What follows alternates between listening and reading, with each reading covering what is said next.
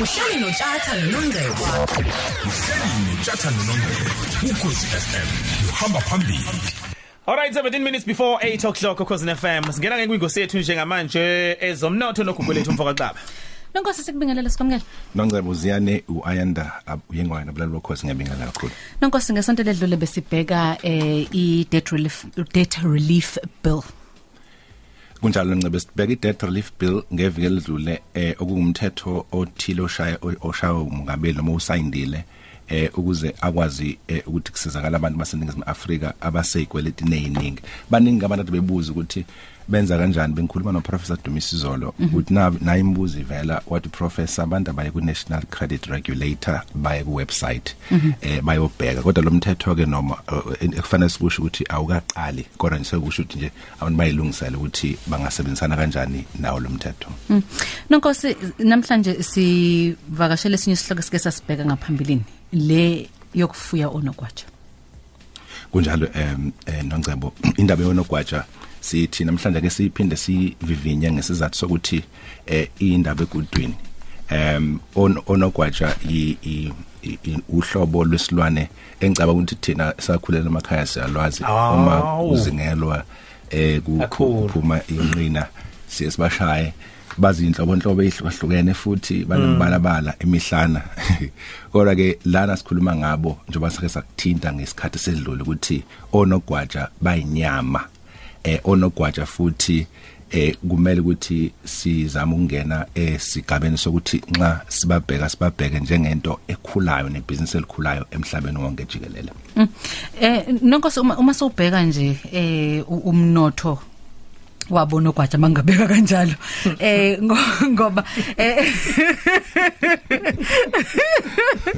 impela. Akufuna nokuthi imboni yezona umnotho. Ngoba ufuna sibheke indaba i- i- yemali. Yeah. la ukuthi u- u- umuntu angathi okay so bafuyela nogwaja ku- ku- ku- ba- ba- ba- badayiselwa bani? Ngabe kuphelela khona la eSouth Africa noma mhlawumbe khona amathuba eh export njalo njalo. Maye mabe export abayabe kunjalo. Eh onogwaja laba ba- bayinto eh, ngiye ngithande ukuthi mhlawumbe ke ngikusho nje lokhu. U- i- indaba yomnotho into elula kakhulu kabi.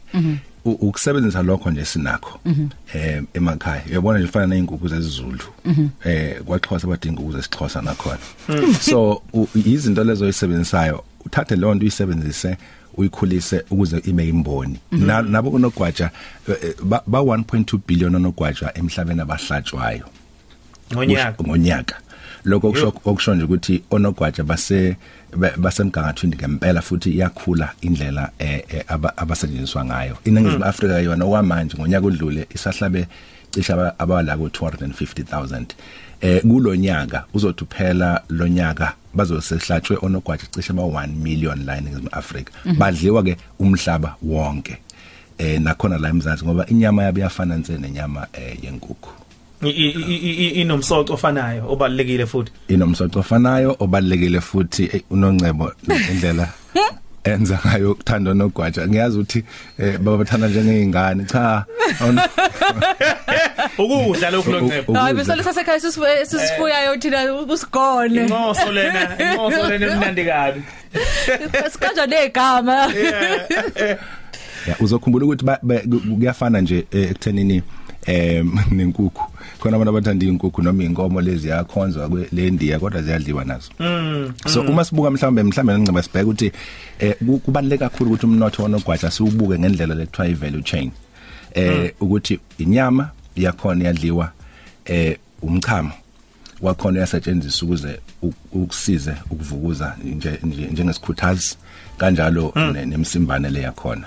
Oh, yeah. bese kuba nesikhumba sakhona sihle si soft eh singakwazi kakhulu ukusetshenziswa. Umnotho la ulele khona ke empeleni uma ukhuluma ngevalue chain noma ivalue addition usukhuluma ngakho khona lokho ukuthi inkomo lesuyithenga ngo 8000 eh uma usuyihlabile eh, umuntu osuke seyihlabile inkomo seyithengile wenza cishe imali yo25 to 30000 kodwa usuke seyihlabile wayithenga wayipheka cishe wenza imali eva ela ku 40 50000 yabona ukuthi i value chain mawusubuka ke kanjalo nogwaja nomnotho wakhona fanele siubhekisise nga- ngaleyo ndlela ukuthi eh ku- u- uhamba kanjani. Nonkosi mawukhuluma la ngendaba yokuthi i- inyama ka- yanogwaja imnandi. si- siphila ekhathini labantu eh be- be- beqaphela izinto abazidlayo. Kukhona abo nje kuse- kusekhona i- i- nithini ah, ama ama vegan. Nakhona lapho ku- kuumnotho nje kuyimboni nje. Ko- ko- kodwa ngibheka le ndaba yo- yo- yonogwaja uma kuthi sifuna izinto lezi ke kuthiwa ama alternatives okunye ongakudla ok- okunomsoco kodwa still okumnandi eh hey bakithi eh i- i- i- i- inempilo okudlula iturkey inkukhu eh, inyama yenkomo inyama yengulube. Iyona enomsoco kunazo zonke inhlobo zenyama ekhona emhlabeni?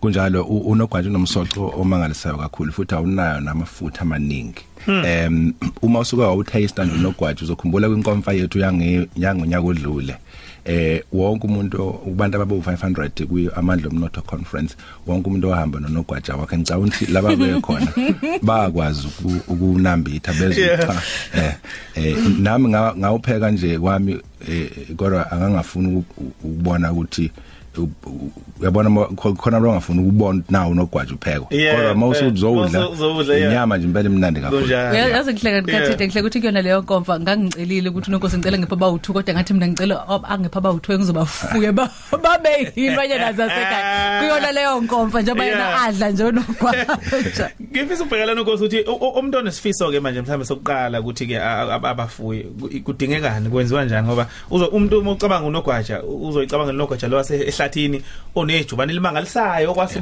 baleka lapho ujika izinje uphume ngisho naphansi kwazo eh kwesinye isikhathi ngendlela onejubane ngayo. Amangali ukuthi awupho bakwethu ngingabahupha ngibathola lapho abaneja mayisi ubamba unogwaja ufika wena usukunweshula kunweshula inja eh ukunogwaja yebo tata u- unogwaja laba angiqali lapha ngithi em i- a- a- akubona la- ab- abafuya njengokuthi badedele ehlathini bafuyelwa endlini njengeinkukhu Mm.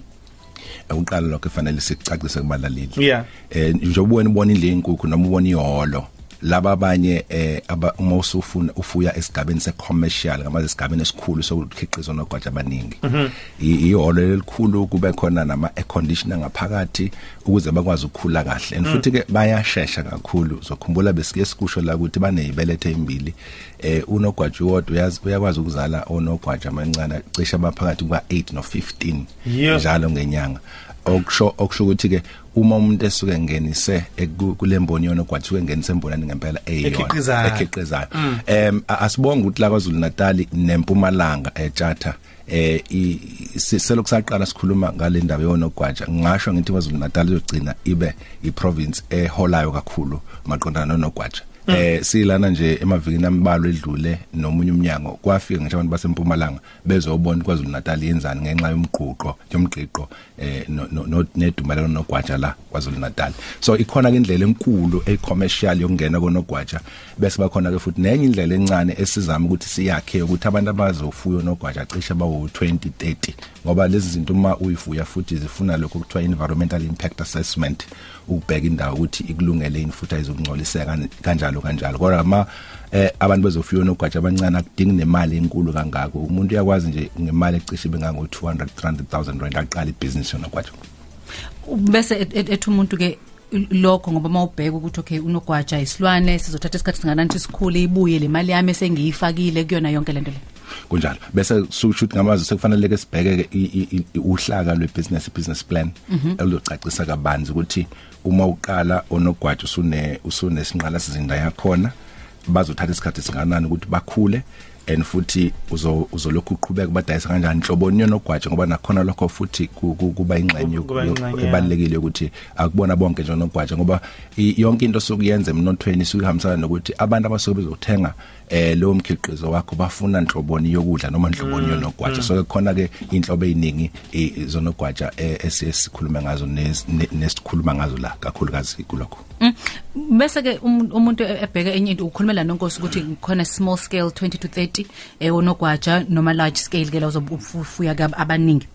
Umuntu abesethi ngidinga indawo engakanani ukuthi ngifuye abawu 20 abawu abawu 30 uyabona nje u- u- u- uma ufuna ukuba u- impela umuntu ofuya onogwaja abaningi awudingi ngisho u1 hectare i- i- ikota ye hectare Hmm. uma libani ihectare iground lebhola bafana abadlala kulona incanyana nje incane la ukwazi wakha khona ngisho ukuthi ufuna ukufuya isigabeni esikhulu ke secommercial ingxenyana ye hectare su- siyanele leyo ndawo ngoba wakha indlu le enkulu e- onga- ongathi moyo uyilinganisa ulingisa njengeholo Yeah. so eh bese kuba ukuthi uma ufuna ukwenza isigabeni esincane indlu nje ngisho u- u- yabona indlu yasemakhaya encane u 3 room.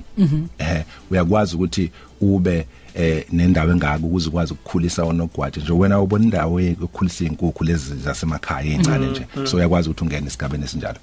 Nonkosi lezi zinto siyikhulumayo nibe nibe nezinkomfa eh nibe nezindlela futhi zokuthi- zokuthi nilekelela abantu abafisa ukuthi bangene kuzona lezi imboni baxhumana kanjani? Nani? zimbili izinto engicela ukuzisho nengcebo oqala ukuthi abafuna ukuthi bangene kule mboni yona gwaja ngoba sesakhi icebo manje lisha lokuthi laba basufuna bakhulisa unogwaja esigabeni esincane bangasali ngaphandle nabo.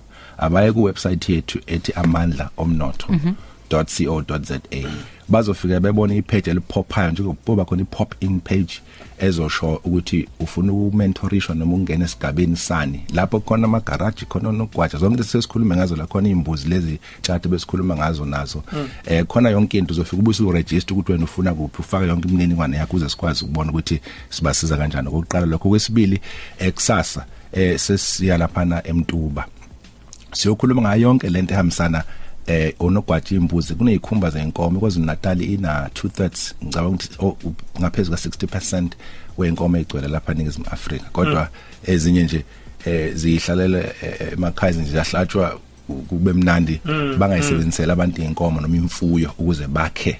Eh eh, umnotho. So so sokhuluma ngalezo zinto. Khona inkampani zaseJalimane zobe zikhona nabanye abantu ngoba zizama ukufuqa tshati ukuthi into zingenzeke kogoli la Yebo, yeah. zenzeke naseyindaweni lezi zasemakhaya. So befuthi sibheka nje ngokuhamba kwesikhathi eh, ama essential oils so sikhuluma ngawo la. Eh uh, into ebaleka kakhulu ekufanele abantu bazi ukuthi ngumnotho eh o- ubaba mahlobo wale inkandla sike sa, sa trainer khona abantu basenkandla eminyakeni ewu10 edlule bawina ngisho ama awards le phesheya eh ntashinganeni em eh, France Yeah, eh, madam. top quality awards. So izinto lezi eziningi esihamba siyibheke si- si- senze lokho kuthiwa ama incubation okuhambisana nakho. So kusasa ke ngo half past 8 ekseni abalaleli abafisa kuba laphana abasithinte ku 08222 522 17 bathinta usabelo leyo nombolo 08222 522 kakhulukazi nge WhatsApp. So baphendula ngayo yonke into. Nonkosi sibonga kakhulu Thuba nathi. kwasazana